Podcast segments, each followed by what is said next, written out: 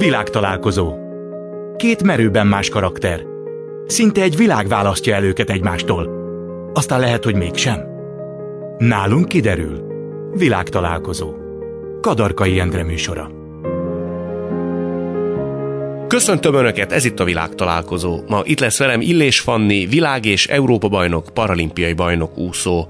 Születési rendellenességgel, végtaghiányjal, alsólábszárak nélkül és összenőtt újakkal született. Négy paralimpiai játékon képviselte a hazánkat. Tokióban megszerezte Magyarország 150. paralimpiai aranyérmét. Párosul másik tagja Gerlóci Márton, író, publicista. Áprili Lajos egyenesági leszármazottja. Már az első regénye nagy hullámokat vetett. Azóta túl van a tizedik könyvén. Az utóbbi időben emlékiratok, naplók felhasználásával saját családjának bonyolult történetét írja meg. Lássuk, mire megyünk ma így hárman. Marci, te azt mondtad egy interjúban, hogy ha kettőnél több ember van egy helységben, te már nem érzed magad olyan jól. Ezt úgy kell elképzelni, hogy most például annyira nem érzed magad komfortosan? Most, de igen. Milyen interjúban? Mikor mondtam? Nagyon fontos? Tehát az, hogy mikor még szakaszodra kérdezek rá? Már nem így gondolod ezek szerint. Nem az a kérdés, hogy mi gondolok, hogy hogyan érzem. Igen, nekem idő kell ahhoz, hogy mondjuk közel kerüljek valakihez, és azzal, hogy megnyíljak. Uh-huh. Rettenetes nyilatkozó vagyok emiatt. És Rettenetes nyilatkozó? Absz, teljesen. De miben merül Főleg ki, akkor, rossz? hogyha nem ismerem az életőt, akivel beszélek először. De engem ismersz, tehát mi már hát, találkoztunk. Találkoztunk egyszer már, igen, igen. De, de nem ismertük meg egymást. Úgyhogy nem élvezem ezt a tulajdonságomat, nem egy jó tulajdonság. De miben vagy te rossz nyilatkozó? Hát pont emiatt, mert zavarban vagyok, nem tudok megnyílni. Uh-huh. Egyszer volt olyan, hogy egy nap alatt három tévéműsorban szerepeltem, még a régi televízióban, és a harmadikra már egész jó lettem. Ott feloldottál. Ott egy, egy egész délután ott töltöttem a tévében, és akkor a, Ez jó. És akkor a harmadik már jól ment. Az ilyen beszélgetésekkor, meg egyébként idegen emberek társaságában én, én azért eléggé visszahúzódó vagyok. Nem ezt, is? nem ezt látják rólam, igen, de meg nem így jön le, viszont én, én azért, én küzdködök ezzel, hogy, hogy egyre többet mondjak. Én is az elején, amikor így kisebb koromban kérdeztek ugye a felkészülésre, akkor mindig ilyen egy mondatot tudtak kipréselni belőlem, és akkor így szépen lassan belejöttem, mert, mert könnyű dolgom van, hiszen magamról kell beszélnem. Aztán amikor már más témáról, akkor nehezebb. De az minek köszönhető, hogy nem látjuk rajtad? Tehát nem jó tudom. színésznő, hogy ilyen tekintetben? Lehet, lehet. Mert azt nem vettem észre, és megnéztem jó pár interjút. Nem tűnsz olyannak, aki feszenyel. Meg, meg így fel, fel, tudok rá készülni, de, de azért belül igen, például a körmömet, meg a tenyeremet most is így morzsolom. Ja, onnan tudjuk észrevenni. Igen, igen, ez az egy. Igen. Tehát ha ez abban marad, akkor nagyjából igen. egész évben helyreállt a, igen, a. Akkor már jó vagyok. Ennyivel vagyok rutinosabb, hogy én már lent tartom. Igen. Látod, hogy fejlőtt? Mert régen volt olyan, hogy te is itt tartottad? Taparom. Igen, ő széket szorongatja. Nem, nem szorongatunk. Nem. De szerintem nem az a természetes, hogy az ember megnyílik az a Persze, szembejövőnek az utcán. Tehát. Majd azért dolgozunk rajta, hogy ez, ez összejöjjön. Ugyanakkor te azt mondtad az egyik interjúban, hogy antiszociális vagy. Az mit az jelent? teljesen. És sose jártam bulizni, talán két házi buliba voltam egész életem során. Egész életedben két házi buli? Igen, De és azt is, azt is egy ősz alatt, mert egyszer voltam szeptemberben, és utána szilveszterkor, szóval ezt így letudtam nem, nem szeretek így társaságba lenni. Tehát, hogy ha nekem esküvőm lesz, akkor, akkor az, az tényleg ez a... Szűk körű. Szűk, szűk körű. Ti úgy elvoltatok? Úgy kell elképzelni, hogy a, az egy kis falu, ahol felnőttél? Egy kis falu, és én általában mindig a családommal töltöttem minden ünnepet is. Tehát, hogy rezibe voltak még ilyen báloknak nevezik ezt, ilyen Márton nap, meg, meg tényleg van búcsú, meg ilyennek, és, és ezeket is úgy ünnepeltük, hogy igazából reziben a fél falu a családom, szóval úgy, úgy nem éreztem magam soha rosszul. Most én is egy faluban élek, 1200 fős faluban, és a múltkor volt egy, most nem mondom a nevét, egy a vezeték nevéről megkérdeztem, hogy te nem vagy-e rokona a Józsinak, és azt mondta, hogy nem, bár végül is a nagyszüleim édes testvérek voltak.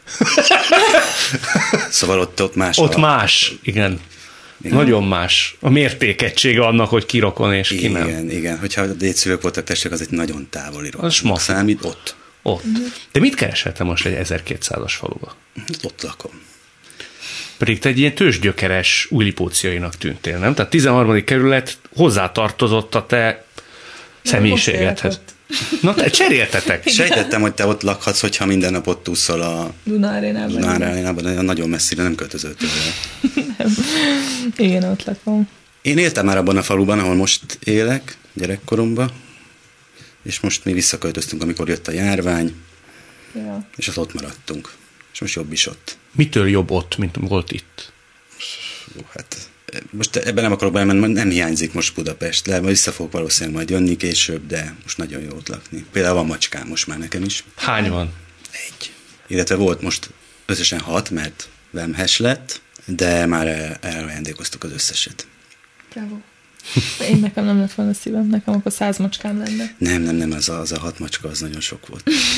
De ugye azt jól gondolom, hogy e tekintetben rokonlelkek vagytok, hogy te se vagy egy ilyen nagy társaságimádó ember. Ő sem azt mondta, tehát ő a, megvan a maga társasága. Hát ő azt mondta, hogy antiszociális, de hogy ugyanazokkal az emberekkel nagyon jól érzi magát, de nem vágyik buliba, nem vágyik nagy társaságba. De van, na, nekem sok barátom van azért. Bulikban nem járok velük, de, de vannak. De te azért több házi buliba voltál. Voltam házi buliba, de ott általában inkább csak balhéztem, aztán hazamentem. Balhéztál? Hát Szóval nem, nem barátkozni jártam házi buliba, nem tudtam barátkozni, ezért aztán szóval nekem nem volt semmi keresni valóm egy házi buliban. De a közeg volt általában olyan, amivel te nem tudtál kapcsolódni, vagy egész egyszerűen akkor ilyen tüskés voltál, és kerested a bajt? Igen, inkább, igen. Ez hány éves korodban volt? Tudom, én 15-től 30-ig. 30-ig? És akkor hogy kell elképzelni Gerlóci De... Mártont? Milyen volt ő akkor? Hát mit csináltál te ott? Piszkálódtam, leginkább piszkálódtam. Tehát megláttál mondjuk egy csajt, és annak elkezdtél beszólogatni? Nem, nem, csajoknak nem szólogattam be, nem. Fiúknak? Fiúknak. De ő valatt? Tehát olyat, hogy azért ott az embernek ők beszorultak ezek? Kimondottan provokáltad? Mm, nem, inkább csak beszélt. Tehát verbálisan, tehát soha nem verekedtem. Úgy értem, tehát, hogy verbálisan azért, hogy bebeszólogattál neki rendesen. Igen, de ez lényegtelen egyébként. de tudod, hogy miért csinálta? Rengeteg feszültség lehetett bennem, gondolom, aztán ott értem ki. Volt belőle bajod? Tehát, hogy ráfáztál? Nem. Nem, biztos ráfáztam, tehát, hogy sokáig egy barom voltam, tehát végül is ráfáztam, de olyan, hogy mondjuk megvertek volna, vagy megszégyenítettek volna, nem. Ilyet így kimersz mondani, hogy sokáig egy barom voltam? Persze. Neked nem volt olyan időszak az életedben? Hát az, hogy barom, az szerintem erős kifejezés. Ja. Voltak túlkapásaim, és voltam, amikor nem különösebben kedveltem saját magam, a viselkedésem, az általában szerintem valami kompenzációhoz társul. Tehát az embernek például nincs önbizalma, akkor végtelenül gőgösnek vagy kivagyinak mutatja magát. Hmm. Tehát kisülés, egy ellenkező irányú mozgás. Az, hogy barom, az szerintem erős kifejezés. Lehet, hogy más értünk alatt. Igen, igen. És hogy múlik el az emberből a baromság? Ez egy felismerés, a környezete döbbenti rá. Ez az én esetemben nagyon komplikált. Na, ebben most nem mennék bele, hogy miért, de valaki másnak az életét éltem, azt hiszem, sokáig. Ennek köze van ahhoz, hogy a te apaképed, apához való kapcsolódásod mondjuk így, hogy sok szereplős volt? Bizonyára, igen. Mondjuk el pár mondatban, vagy nem mondjuk el? Hát erről azért beszélhetünk. De, beszélhetünk, persze, hát meg végül is volt nekem édesapám, úgy tudtam, hogy édesapám utána meghalt, utána volt nevelőapám, utána jött egy másik ember, és akkor mondták nekem, hogy ő az apám, mármint hogy a vérszerinti apám is, ő, akkor megismertem, és most pár éve kiderült, hogy ő sem a vérszerinti apám, és azóta ezen dolgozom, lelkileg is, és a munkámban is, ezt dolgozom föl. Mondjuk, hogy most mi van, 21, már három, több mint három éve, három és fél éve. És ez a folyamat, ez a feldolgozási folyamat, ez, ezzel is jár például, hogy végigmegyek az életemem, hogy mit, mikor, hogy és miért csináltam, és, és hogy mi köze ennek mindehez. Uh-huh. Hasznos felismerésekkel jár? Tehát én nagy-nagy tanulságokkal? De persze, meg én most egyre inkább a, a saját bőrömben kezdem érezni magam, úgyhogy... Igen? Ögön. Kellett ez hozzá? Ez a egyik hát másik nem kellett volna. nem kellett volna, ezek ilyen tévedések következményei. Most már, hogy így alakult, kellett hozzá, igen, azt mondhatom. Csak hogy értse mindenki, te most ebben, remélem nem illetlen a kérdés, te most nagyjából egészében tudod, hogy ki a tevér szerinti apukád? Így, így van, igen, tudom. És ő akkor kicsoda? Azt nem mondom. Azt nem mondod azt, nem, azt még nem. Ezt azért nem mondod meg, mert hogy ennek az egésznek a kálváriának te irodalmilag is szenteltél egy komoly sorozatot, ezt most már mondhatjuk, ez most már a második könyv, ami voltak éppen a te gyökereidről, a te családodról szól. Okay. Hát azt csinálom éppen, és csak azért nem mondom meg, én szívesen megmondanám bárkinek, de mivel csinálom ezt a regényt, ezért abban a regényben jóval lassabban fog ez kiderülni. Uh-huh. És azért olyan olvasók is vannak, akik nem örülnének annak, hogy lelőném a poént. Uh-huh. Fani, a te esetedben az, és ez lehet, hogy valamilyen szempontból hasonló, hogy ugye lehet, hogy nem tudja ezt minden hallgató és néző, a te esetedben nem vették észre azt, hogy te láb nélkül fogsz születni, tulajdonképpen halva is születtél, téged újraélesztettek, és az orvos, egy családos orvos, ezt hangsúlyoznám, az azt mondta a te szüleidnek, hogy te mentálisan is sérült leszel, tulajdonképpen életképtelennek nyilvánított, és azt tanácsolta a anyukádnak és apukádnak, hogy téged hagyjanak ott a kórházba. Igen. Ezt te mikor tudtad meg, hogy, hogy ezt tanácsolta egy szakember veled kapcsolatban? Szerintem ez sose volt nálunk tabu téma, mert ez, erről mindig szó volt otthon, hogy ez, ez így volt. És aztán két-három hétig én ott is maradtam a kórházban, tehát elindult ez az örökbeadási procedúra, akkor ugye apukám bejött a kórházba, megnézett, nagymamám, anyukámnak az anyukája bejött a kórházba, megnézett, és akkor ők, ők már így tudták, hogy, hogy ez, ez nem így lesz, csak nem szerették volna édesanyámat befolyásolni, hogy, hogy mégis uh, nem ők akarták helyette eldönteni ezt a dolgot, hanem rávezették inkább, hogy, legalább csak nézzem meg, mert ugye ő nem is látott engem egy pillanatra sem, és ő, őt így küldték haza a kórházból, és aztán valahogy uh, nagymamám úgy kezdte a terelést, hogy mi lenne, ha ezt a kislányt megkeresztelnénk, ugye nagymamám nagy hívő, katolikus, és uh, ő szerette volna, ha legalább meg vagyok keresztelve, és akkor úgy adnak örökbe. Nyilván más volt a célja ezzel, csak az, hogy édesanyám egyáltalán megnézzen, hiszen az orvos akkor ezt is javasolta, hogy ne nézzenek meg. És uh, akkor anyukám elkezdett rólam beszélni, és akkor ő eldöntötte, hogy na akkor bemegyünk, és hazahozzuk, és utólag elmondta, hogy, tehát, hogy ezt, ezt nagyon bánta, hogy akkor nem erőszakolta ki, és ennyire hitt az orvosnak, az orvos szavában, hogy neki haza kell menni, és ne is nézzem meg, mert nem lett volna kérdés az elejétől kezdve, hogy hazavisz. Úgyhogy ez Anyukád vagy te? Azóta beszéltél ezzel az orvossal? Mindenki meghalt, aki ténykedett ebben a sztoriban, mert utána volt egy ilyen per is erről, tehát hogy, hogy a lehetőséget elvették anyukámtól, nem csak ezzel kapcsolatban, hanem tehát, hogy nem figyelmeztették, tovább tudták volna küldeni olyan ultrahangra, ahol látszódott volna, ez fel tudott volna készülni erre. Tehát, hogy ott, ott azért az orvosok, meg mindenki, a kórház is összefogott, hogy hát itt csak nekik volt igazuk, és másodfokon nyerték meg anyukámék a pert. Szerettél volna vele beszélni egyszer-kétszer, vagy egy-egy mondatot váltani ezzel az emberrel?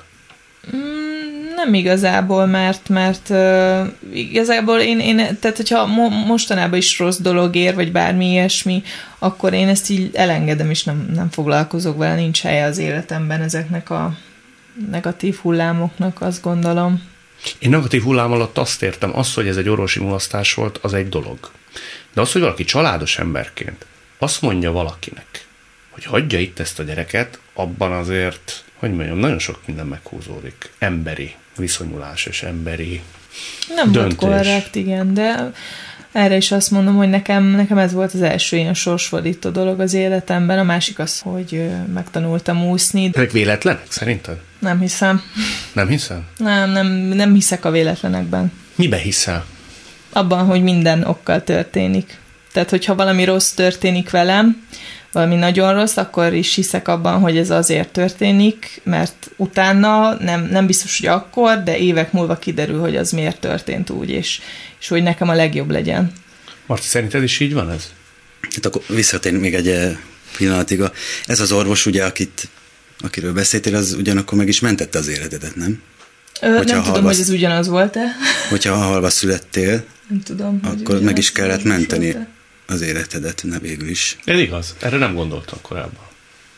Igen, tehát hogy én, én mindig így gondoltam, hogy a születésem is egy ilyen, tehát hogy nem derült ki, simán lebeszéltek volna anyukámról, hogy vetessen el és szüljön meg halva, bármit, hogy, hogy nem látszódott ugye, hogy, hogy valahogy életben maradtam, és így pont egy olyan ember kezébe voltam, aki újraélesztett, ez nem biztos, hogy az az orvos hát, volt, aki ezt tanácsolta, de hogy ez, az egész életem egy ilyen, tehát egy, egy ilyen hajszálom múlt mindig, hogy éppen pont az történt velem, és pont a jó, jókor voltam jó helyen, jó ember volt mellettem. Csak ö, láttam, hogy arra te is felkaptad a fejed. Szerintem egy orvos követhet el szakemberként hibát. Itt emberi. Azt nem mondom, hogy jellemtelenségről beszélünk, de ehhez kell valami, a szememben valami végtelen részvétlenség és idegség, hogy ilyet kimondjunk egy, egy anyának. Ja, hát eset nem tudom elképzelni, hogy szóval ezt... Családos emberként. Abszolút, nem tudom, hogy nem, nem azért kaptam fel a fejemet, hanem mert tényleg nem is tudom elképzelni a helyzetet. számomra ez megdöbbentő. No, de az, ami, amire reflektáltatnálak, hogy szerinted ez Én a... csak a véletlenekben hiszek. Te csak a vélet, igen? ez jó beszélgetés lesz. de az ugyanaz, ha jobban belegondolsz. Igen, ugyanarról beszélünk, csak máshogy. Igen. És a véletlen az vak véletlen? Tehát semmi nincs, ami ezt irányítja, tulajdonképpen valami végtelen nagy esetlegesség, aztán az vagy jól sül el, vagy rosszul. Körülbelül ez? valami ilyesmi. Aha. És miért jutottál erre? Nem jutottam erre. Hát ez így van. Ennyi. meg az, hogy mi az, ami jól sül el, meg rosszul. Hát például a te példád is, hogy most ők erre azt mondták volna, hogy ez egy rosszul sült el, te megörülsz az életednek, ami szerintünk Igen. jól sült el, tehát Igen. az, hogy mi sült el jól, meg mi rosszul, azt, azt, azt se tudom. Meg az is, hogy az mi múlik, és kin.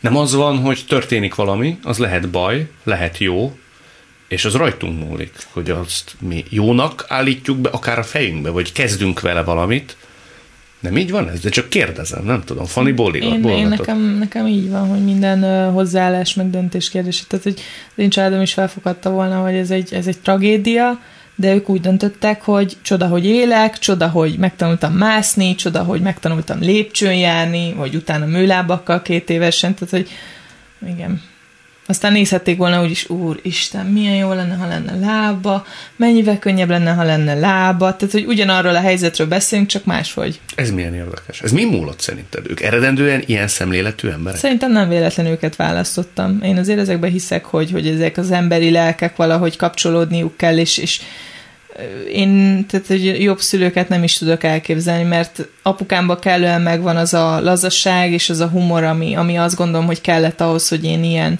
így álljak a fogyatékosságomhoz, anyukámban pedig kellően megvan az a tartás, amit, amit tényleg tőle tanultam, hogy tök mindegy, hogy milyen nyomorult helyzetbe kerülök az életem során, akkor is nem borulhatok ki, hanem menni kell tovább előre, és feldolgozni az adott szituációkat, és embernek maradni a legnehezebb hm. körülmények között is. Marci, gondolom te ezt azért cáfolnád, hogy általában a gyerek dönti el, hogy milyen családba szülessen. Um, erről azt tudom mondani, ugye, te azt mondtad, hogy a gyerek választja. Uh-huh.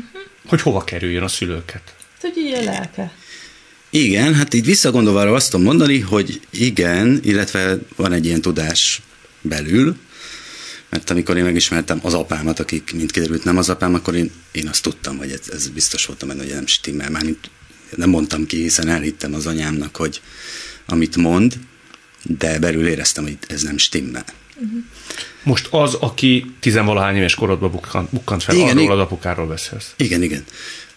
Aki miatt én Gerlóci vagyok, mert ugye igen. később felvettem a nevét. Igen. Egyébként holnap megyek nevet változtatni, ez egy nem egy véletlen, mert tudtam, hogy ide jövök, és ezért kértem időpontot. És fölve... akkor most már kiderül ki az apukád is, ha nevet változtatsz. Hát, hogyha megmutatom neked az új személyimet, ja. akkor igen.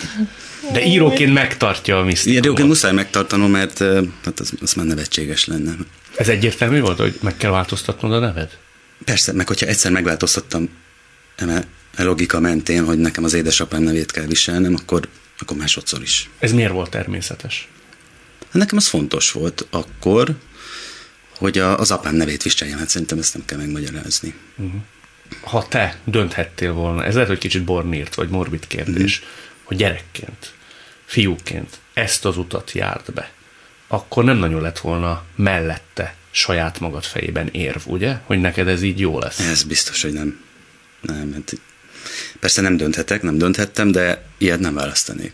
Tudod azt velünk érzékeltetni, hogy mi ennek a identitáskeresésnek, vagy nem tudom, minek nevezem, ennek az egész álmokfutásnak, érzelmi hullámvasútnak a legborzasztóbb vetülete? Tehát, hogy ez mivel jár? Nem tudod, ki vagy? Nem tudod, honnan jössz? Kihez kapcsolódj? Átvertség érzete van az embernek? Hát a, abból, hogy kihez kapcsolódsz, abból alakul, formálódik egy személyiség, tehát az a személyiséged részévé válik. Tehát amikor nekem más volt az apám, akkor most, hogy történt, hogy kiderült, hogy mégsem, akkor jöttem rá, hogy egyetem hogy működik az agy, reggel fölkelsz, és ezek az információk, az á, miután magadhoz térsz, így ki is vagyok, ez, ez gyorsan megtörténik, mint hogy a számítógéppel kapcsol, és így föláll a rendszer. Ezt régen nem tudtam, hogy ez minden reggel megtörténik, csak akkor, mikor ez történt velem. És akkor úgy, ja igen, az anyám, a testvérem, itt lakom, ez így, ez így nagyon gyorsan megtörténik az emberben. Veletek is, csak ti ezzel nem kell foglalkoznatok. És amikor nem tudod, vagy máshogy tudod, hogy hova kapcsolódsz, és az, az életed hogyan alakult így, akkor így összedől mindent. Tehát, na most ezt 12 évesen máshogy éltem meg, mert amikor először történt velem ilyen, akkor az akkor nem értettem az egészet, ez csak és most, most már meg tudom mondani, hogy mi történt. Tehát az, én otthon aztán jó fiú voltam, és onnantól elkezdődött egy ilyen álmokfutás iskolákba, stb. Aminek a vég, az eredménye a barom a házi buliban, ugye, a, a végeredménye. Aminek otthon az volt a megfelelője, hogy te ott jó fiú vagy. Otthon jó fiú voltam, mert azt hittem, hogy tehát igazából ellenük kellett volna lázadnom, de ezt nem tudtam. De te azt érezted, hogy azt gondoltad, hogy például téged az édesanyád átvert? Nem, nem, az úgy jobb lett volna. Nem tudtam. És nem átvert, hanem tévedett. Tehát ez a... Ő se tudta? Nem. De hát vannak ugye felelősségek, tehát... Haragszol rá? Ez nem a jó szó, próbálom elfogadni a hibáival együtt. Ő mit szólt ahhoz, hogy te mindezt megírod a több könyvben? Kevés nevet változtattál, van, amit megváltoztattál, de sokan eredeti neven szerep, nevükön szerepelnek a könyvben. Az anyám azt szerette volna, hogy én író legyek, ő annak nagyon örült, úgyhogy végül is ez magának kereste a bajt. Bajt? Mert ő neki ez... Nem. Nem örült neki, gondolom. Az édesanyám számára a legfontosabb az, hogy a, a gyermek művészként kiteljesedjen, így aztán bármit írok is, azt ő imádni fogja. Imádja ezt is? Az utolsó könyved a fikciót? Igen, úgy igen? tudom. Végül is igen. De mondta is? Mondta. Mondta. Dacára annak, hogy egy nagyon szövevényes családi dráma trauma szövevénynek a leíratát olvas, aminek az egyik főszereplője ő. Igen, igen. Hm. Ő elsősorban egy édesanyja tűzön vizen hát imádni fogja gyerekeit, és bármit tesznek, ez így marad. Neked volt-e, hogy a kezed megbicsaklott, amikor írtad, és azt mondtad, hogy hát nem tudom, hogy ezt leírhatom-e. Fog-e ez fájni valakinek? Ez most minden nap, minden napom így telik. Minden napot? Hát igen, most minden nap ezt írom, és még ezt fogom kb. három évig, és ez mindennapos, igen. És akkor mi dönt? Mi az, ami felülírja a másik szempontot? Azt, hogy a munkát már elkezdtem, és ezt be is kell fejezni. Járt nagy áldozatokkal? Tehát volt olyan családtag, akár a testvéreit közül valaki, aki hát ezt merre szívta, és nem így intézte volna? Persze. Tehát ők úgy gondolták, hogy, vagy van olyan, aki úgy gondolja, hogy ezt nem kellene a nyilvánosságnak szánni. Sőt, igazából én is így gondolom. Csak most már nincs visszaút. Ma már azt gondolod, hogy lehet, hogy nem kellene mindezt megírni? Mm, hát, ha nem így alakult volna az életem, ugye? amiről általában írni szoktam. Tehát, hogyha nem lettem volna így, ha most dönthetnék, akkor, akkor nem lennék író, mert ilyeneket nem szeretnék megírni. De hogy... Mert tapintatlan?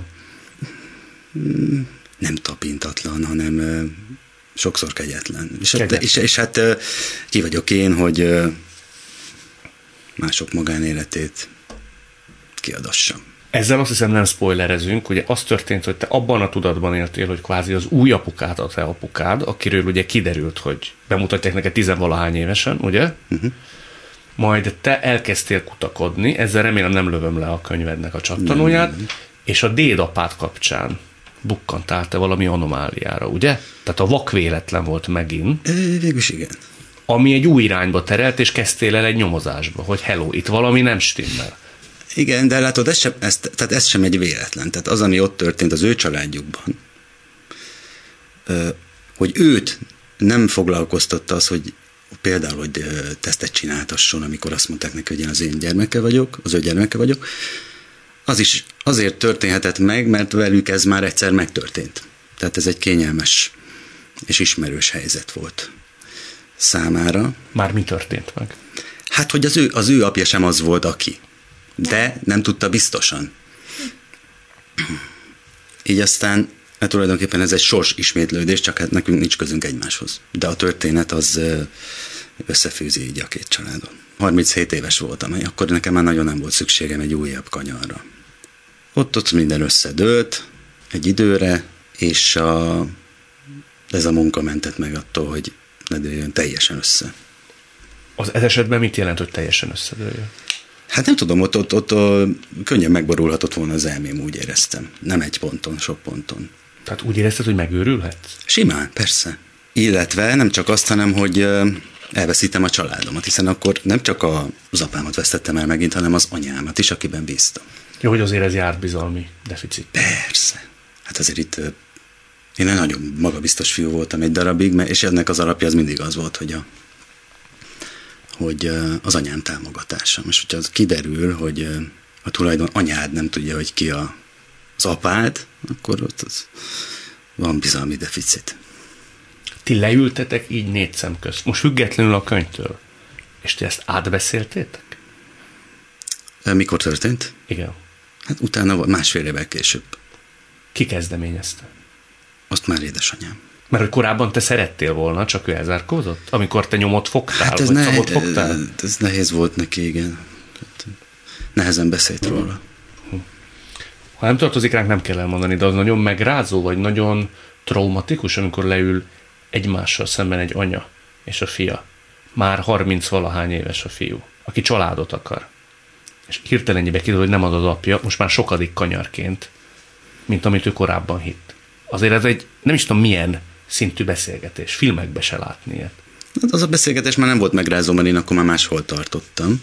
Ha azon a héten történik az a beszélgetés, amikor én ezt megtudtam, ugye nem voltam itthon, az biztosan traumatikus lett volna. Hm. De hát édesanyám a hárítás nagymestere, tehát mondtam neki akkor azokban az időkben egy ilyen, nem is tudom már ki volt, Jenő bácsi, mindegy ki az, egy ilyen ismerős a környékről, az Áprili völgyben, ahol ő is felnőtt, meg én is, ott is, bocsánat, hogy te mi szólnál a Jenő bácsi, kiderülne, hogy Jenő bácsi a, a, az apukád. Nagyon szerettem a Jenő bácsit. Tehát ilyen, ő, ő így hárít. Hm. Szerinted miért? Hmm. Hát ez már bonyolult kérdés, hát tehát az ő esetleg hív be egy nagy interjúra. A ti, aztán leszállok erről a témáról, a ti, mondjuk úgy, hogy anya-fiú kapcsolatotok, már a magánemberi érintkezést illeti, az megszenvedte mindezt? Vagy ugyanannyiszor hívjátok egymást, ugyanaz a, az érzelmi töltet megvan, még hogyha ez azért kapott is sebeket? Kapott, de, de megmarad. Megmarad, persze. Ez kimúlik? Mi kettőnkön. Inkább most rajtam, de meg fog maradni. Meg fog maradni. Igen. És ha ugye a könyvből is kiderül, hogy azért te gondolkodsz, hogy gondolkodtok pároddal, Zsófival a gyerekvállaláson. Azt te tudod, hogy őt hogy fogják hívni? Azért megyek holnap a hivatalba, mert ez folyamatban van. Hogy azt a nevet viselje, Így ő van. is. Ez a legfontosabb szempont. Most, most azért sietek ezzel, hogy nemet változtassam, még igazából mindegy, mikor változtatom meg ezek után, mert az a gyerek az úton van. Ja, hogy az úton van? Uh-huh. Gratulálunk hozzá. Hát ahhoz még nem, még, az még korai. Nem olyan kellemes egyébként egy névváltoztatás. Már milyen értelemben? Adminisztratíve gondolod ezt, vagy egyáltalán az identitásra Hát az is, de hát egy kellemetlen találkozás, minden találkozás kellemetlen találkozás. Most valaki, akit már ismertél, és azt mondod neki, hogy... Ja. Igen. Értem. De hát te az írés Fanni vagy. Jó, de az, az volt, és akkor megint el kell mondani mindent. Nagyon sokszor. Szerintem, ahogy szerintem adj ilyenkor egy könyvet. Te is, azért csinálom a könyvet. De hogy... Jó olvasd de. Szerintem te is lehet, hogy tévedek, de azért nem szeretsz annyira házi bulikba járni, mert állandóan erről kéne beszélni Mindig. mindenkivel, Persze. még a barátaidnak nem kell már elmondani, mert tudják. Annyiszor kérdezik, igen? Igazság szerint akkor kérdezték sokszor, amikor ugye műlábbal közlekedtem meg kettő mankóval, még Budapestre is így költöztem fel, és emlékszem, pont egy ilyen uh, ugye kolibuli volt, és uh, pont farsang volt, és mindenki azt hitte, hogy be voltam öltözve törött lábnak pedig. Oh.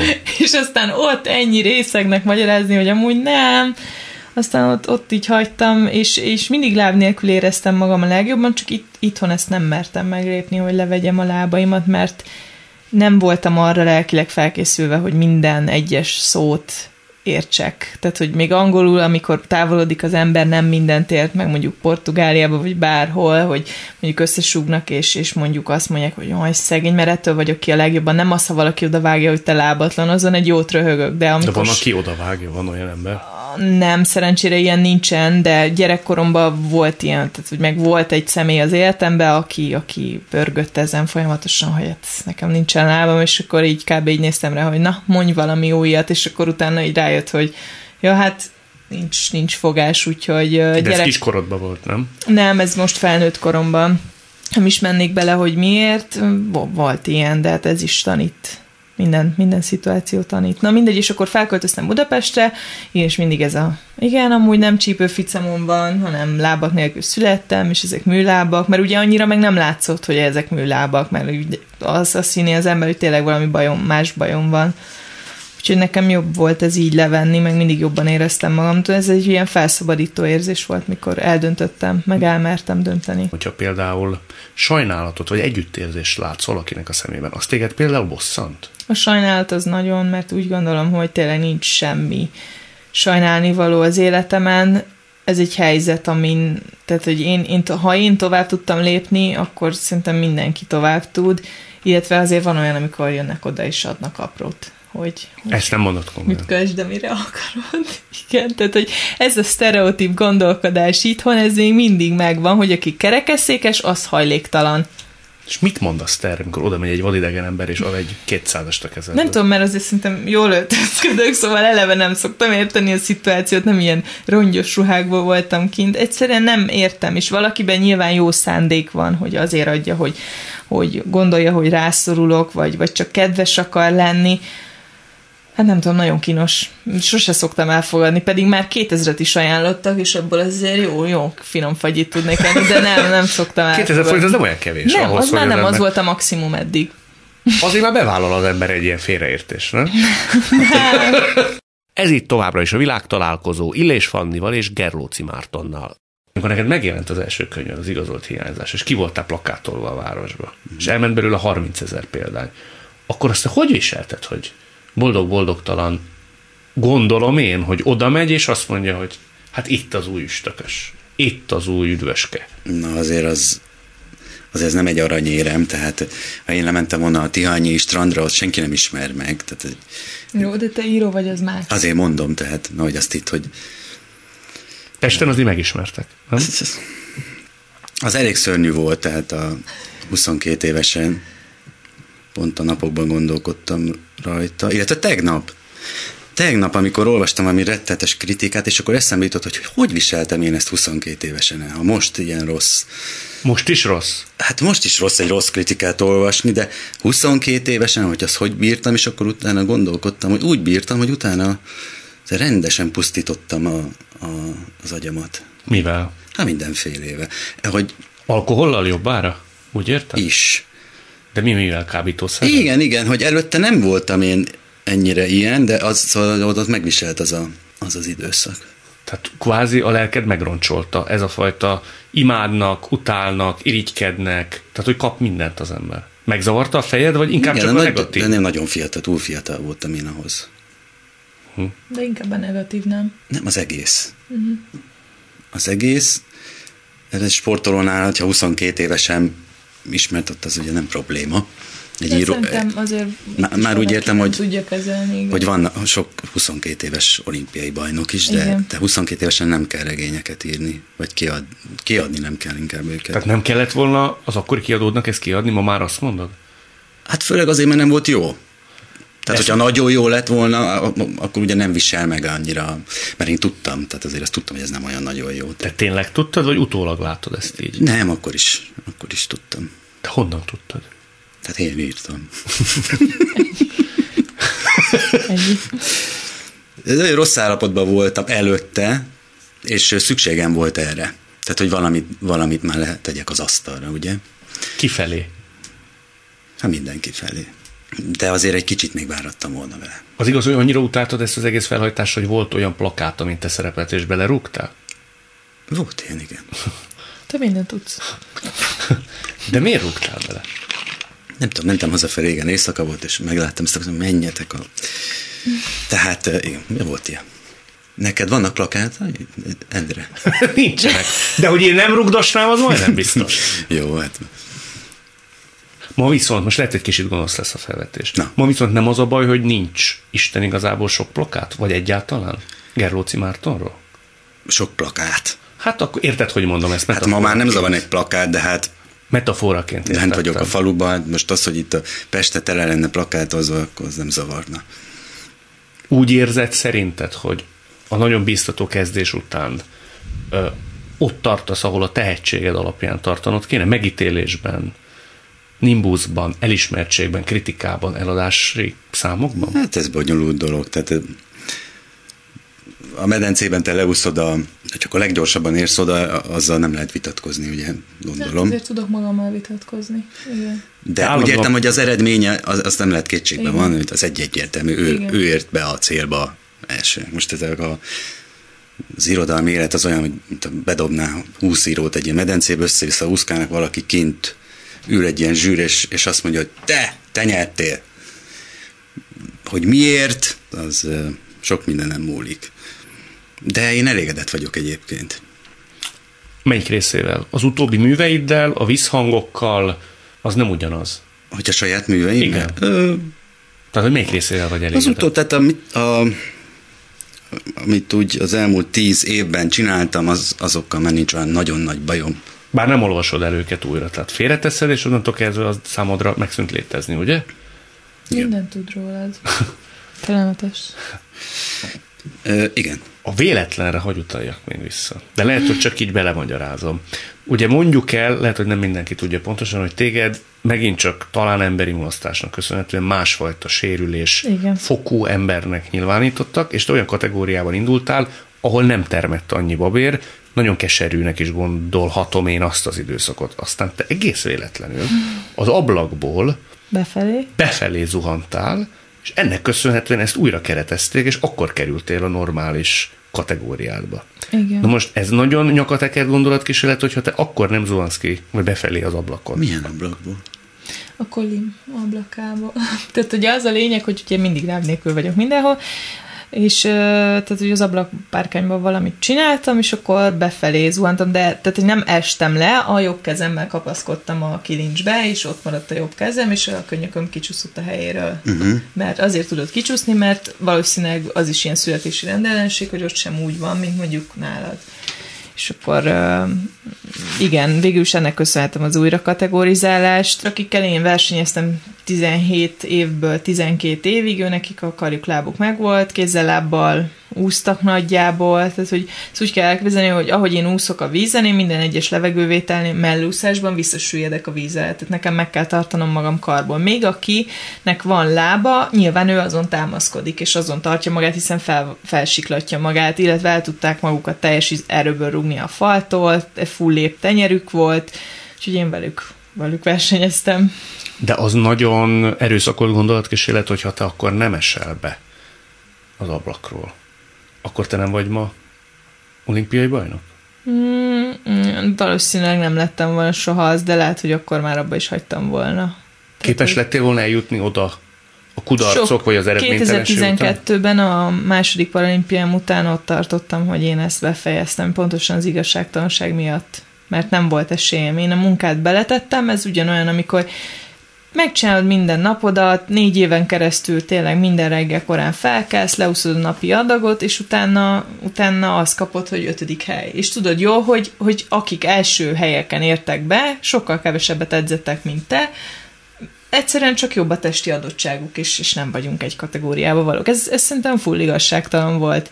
És most olyanokkal vagyok, ahol, ahol kijön az, hogy én, én sokkal többet edzek náluk, sokkal keményebben, és, és megvan az eredménye. De ez se úgy volt, hogy kizuhantam az ablakon, és akkor mindjárt paralimpiai bajnok lettem, nem, hát azért, tehát hogy én egy világbajnoki negyedik helyel kezdtem, és onnan tornáztam fel magam, azért, azért kellett edzeni valamit hozzá, és uh, igen, az emberek, so, megkaptam ezt is, hogy, hogy hát hogy, mert nekem könnyű dolgom volt. Volt ilyen, aki ezt csiripett a hátam mögött, hogy hát, hogy nekem könnyű dolgom volt, hát visszasoroltak, de hát igazság szerint, ha az elejétől kezdve ott úsztam volna, akkor nekem hány nemzetközi érmem lett volna, meg hány és hány versenyről, minden versenyemről éremmel térhettem volna haza, hát tök elégedett lettem volna egész pályafutásom során.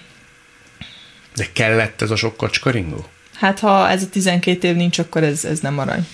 Ez nem arany. Biztos lesz egyszer majd könyvem, de... Na, hogy... te ezt akartam kérdezni, hogy egyszer ezt miért nem vetett papírra? Hát mm, nem biztos, hogy azt szeretném, hogy, hogy én, én írjam meg. Sokkal jobban szeretem azt, ha valaki más írja meg rólam, és, és nem találtam még meg azt a szemét, aki, Hoppá, hoppá, nem rám nézett, még rám nézett. Az Endre, ő újságíró. De nem tudok írni, az a baj. Nem, nem tudsz írni újságíróként? Hát most úgy mondom, hogy azt érdemdúsan, színesen el kell tudni mesélni azért. Nagyon jó a jegyzetekből látom. Én hát abban jó vagyok. Te írnál ilyet egyébként? Most csak nem, nem össze akarom ezt hozni ezt a történetet, csak hogy nem a saját történeted, nem a saját sebed. Ugye Szabó Magdától kérdezték meg egyszer, hogy hogy mit ír, ő mondta, hogy a hazait, mindig a hazait, ami otthon volt, ami a gyerekkor, ami fáj, ami seb, ami élmény, és valaki kérdezte tőle egy interjúban, hogy mi lesz akkor, ha elfogy a hazai. Te tőlem félsz? Nem. Gondoskodik róla az élet, ez tény. Igen, ezt most, most egyelőre nem félek, de hogy ilyet tudnék-e egyébként igen, írni? Igen. Nem tudom, nem próbáltam. Ha valaki Valószínűleg csak akkor, hogyha az illető közel állna hozzánk. Kérdezhetek-e tőled? Bármit. Bármit? Uh-huh. Na, köszönöm. Majd eldöntöm, hogy válaszolok. Majd, abszolút így van.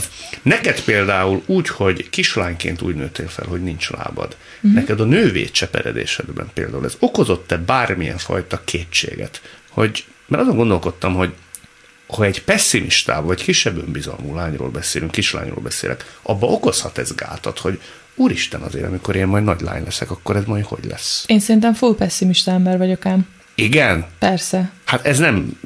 Full, full. Tehát, hogy én, én, én azért vagyok pessimista, mert, mert én pozitívan szeretnék csalódni. Nem úgy van, hogy bele akarom élni magam valamibe, aztán nem úgy sikerül és összeomlok, én inkább nem érem bele magam semmibe, vagy a legrosszabbra gondolok, és utána nagyon örülök. Én, én mindig azt Ez jó szeretem. taktika, ezt sokan mondják. Igen, én, én ezért, ezért szoktam így lenni, és hát így a gyerekkoromban, meg így a nővé cseperedésben igen, okozott gondot, de nem a lábaim hiánya, azt gondolom, hanem, hanem pontosan emiatt a lábaim hiánya miatt próbálok kompenzálni. Tehát, hogy próbáltam mindig valamiben nagyon-nagyon jó lenni, hogy, hogy ne az legyen, hogy a lábatlan, hanem, hanem az legyen, hogy mondjuk a sportoló, és én rengeteget tettem azért, hogy, hogy, hogy a sportolóként nézzenek rám, ne úgy, mint a láb nélküli lány, és, és ez így van a nőiesség terén is, hogy, hogy, hogyha már nincs lábam, és én elfogadtam magam, így jól érzem magam a bőrömben, akkor, akkor legalább mondjuk legyen szép a bőröm, legyen szép a hajam,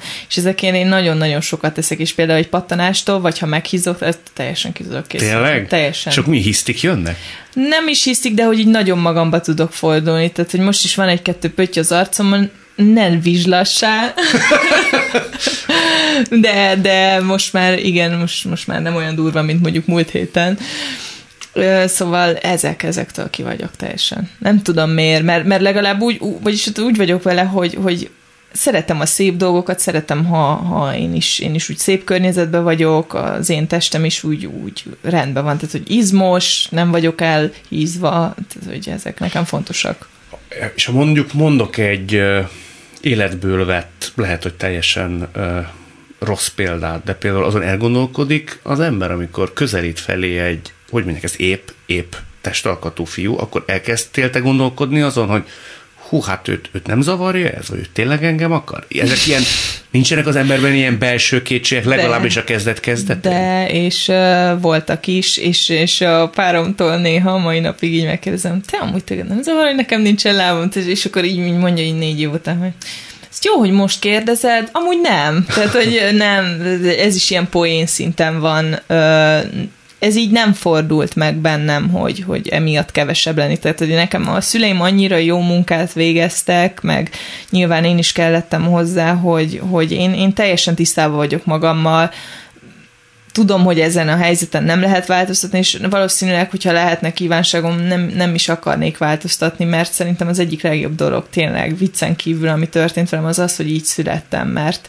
én látom a testvéremet, hogy milyen nehéz utakon megy végig, és, és hogy jut el oda, ahova el szeretne jutni, tehát hogy, hogy tényleg szerintem nehezebb dolga van, és engem az úszás... Nehezebb dolga van két lábbal Szerintem igen. Miért? Milyen értelemben? Mert engem, tehát hogy azzal, hogy nincs lábam, van egy, van egy, van egy csomó előnye ennek a dolognak, és én mindig ezt nézem, hogy, hogy például itt a Roki kártya, vagy vannak ezek a kedvezmények, amiket nem nagyon szoktam használni, de például az, hogy közlekedek Budapesten, ha BKV-t használok, akkor az ingyenes, akkor bárhova le tudok parkolni, mert azt se kell fizetnem. Tehát, hogy ilyen apróságok, de hogy mind-mind hozzátesznek, és mindig azt nézem, hogy hát milyen szerencsés vagyok. Mindig, mindig azt érzem, érzem, hogy, hogy, hogy szerencsés az élet, amiben vagyok, és ezt annak köszönhetem, hogy nincsenek lábaim. Hát, vagy inkább a szemléletmódodnak, nem? Lehet.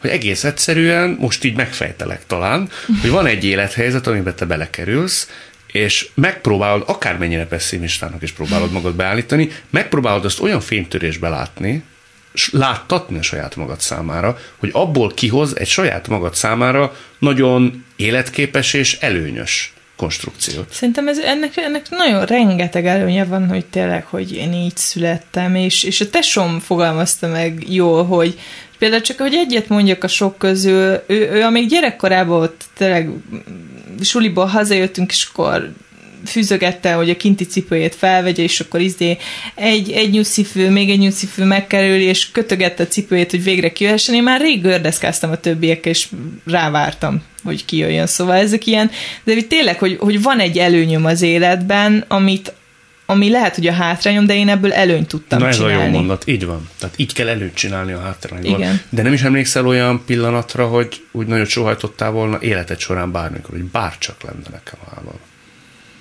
Mm, nem, nem is tudom, így az életben van, van egy-kettő ilyen, ilyen szituáció, de például azt se bánom, hogy nem tudok táncolni, mert annyira olyan zárkozott ember vagyok, hogy nem, nem, nem, nem szeretnék táncolni se. Ö, nem, nem emlékszem ilyenre, hogy bárcsak lett volna. Marci, a te esetedben is van ilyen? Egy ilyen igazságtalanság, rád vonatkoztatható méltánytalanság, ami úgy el tud találni? Nagyon szeretnél te valami ilyet találni az én Ha nincs, nincs.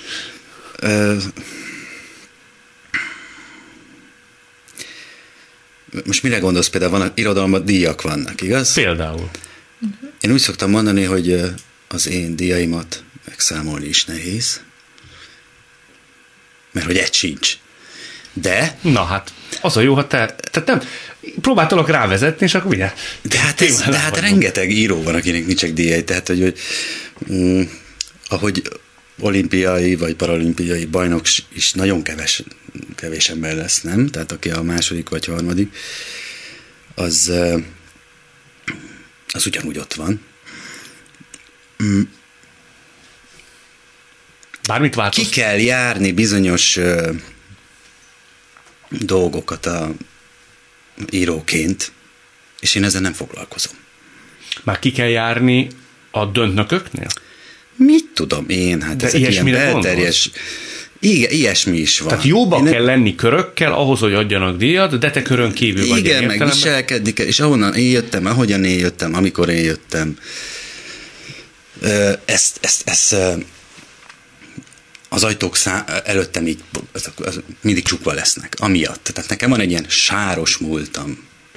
A sáros múlt alatt Az a te fantasztik, általad említett fantasztikus sikerem, az igazolt hiányzás. Aha. Tehát az...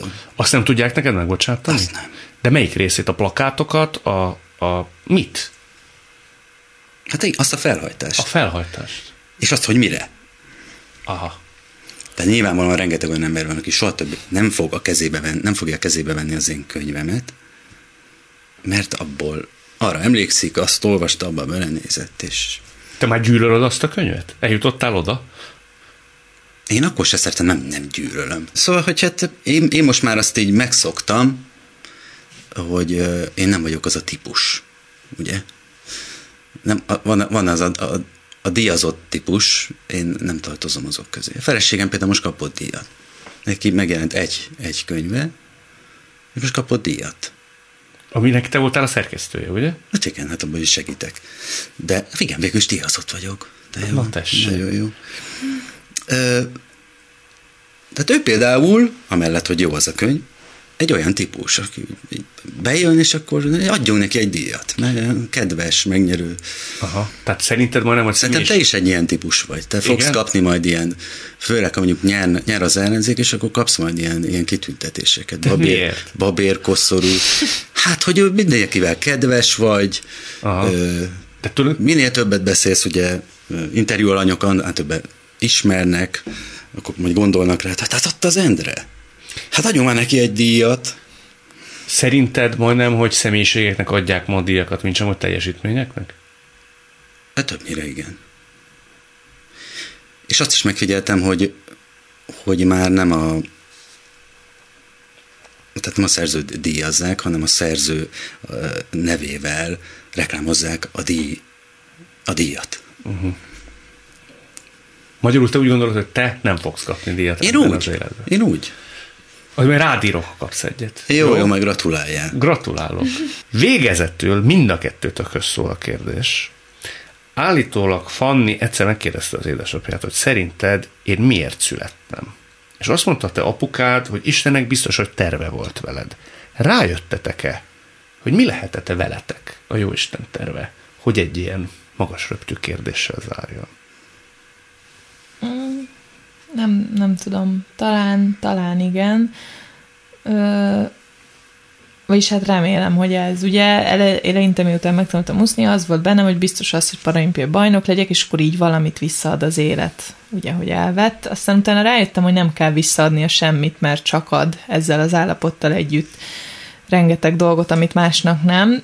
És, és aztán valahogy úgy azt gondolom, hogy, talán azért küldött ide az élet, meg az Isten, hogy, hogy, hogy én is tanítsam a körülöttem lévőket. Tényleg nem kell leragadni az ilyen problémákon az életben, hanem, hanem vannak ennél sokkal rosszabb, tehát hogy én is mindig azokból merítek erőt, akik sokkal rosszabb helyzetben vannak, mint én, és látom, hogy milyen boldog életet élnek, és azt, azt hiszem, hogy egy életünk van, azt pedig nem tölthetjük úgy, hogy keserűséggel és bánattal, és én valószínűleg én ezt szeretném átadni a gyerekemnek is, hogy szociálisan legyen érzékeny, és, és fogadja el, hogy a virág az nagyon színes, és ettől szép.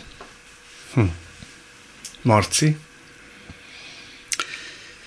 Hát mivel mindenképp válaszolni kell a kérdésre, akkor úgy gondolom, hogy engem a Jóisten azért küldött ide, hogy azon gondolkodjak, hogy mi a Jóistenért küldött ide.